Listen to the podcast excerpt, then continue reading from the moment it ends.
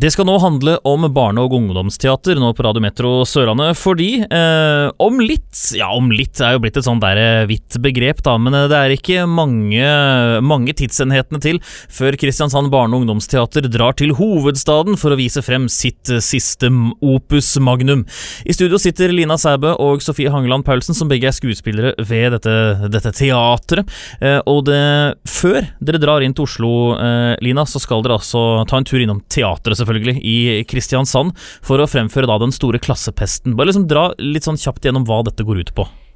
Ja, eh, det er jo et stykke som vi har valgt å jobbe med i forbindelse med DUS, som er en teaterfestival for unge. Og det går ut på at vi er en gjeng ungdommer i en klasse, en ungdomsskoleklasse eller videregående klasse, eh, som da har selvfølgelig den typiske bitchen i klassen, som kommer på en, Det er en klassefest, og så kommer denne bitchen inn på festen. Eh, og så ender vi opp med å binde henne til en stol fordi vi rett og slett er lei.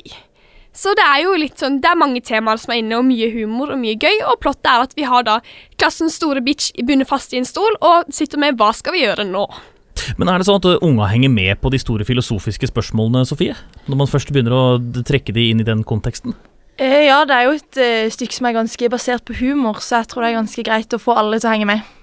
Vi har jo lagt inn litt sånn Det er jo på en måte kanskje utforma som en komedie, men hvis man begynner å tenke litt, så er det en del spørsmål som stilles i stykket, hvor du ser litt disse linjene, åssen man ender opp med å bli så ekstreme som man blir, da. Og mm. tar opp de temaene der litt skjult. Mm. Vi skal jo ikke spoile slutten på noe som helst vis, for dette skal jo fremføres eh, på, eh, på, teatret. Sofie, hvordan er dere forberedt nå på å ta dette ut til publikum? Ja, vi har jo spilt det en gang før på Kilden, så det, ble, det å komme videre til Oslo og få lov til å spille det igjen, og også få spille på teatret, det er jo kjempegøy. Å få lov til å ta opp manus igjen og møte gjengen og mm. få satt opp igjen. Og Når skal jeg komme på teatret, hvis jeg skal se dere? Du skal komme enten klokka fem eller klokka syv på søndag.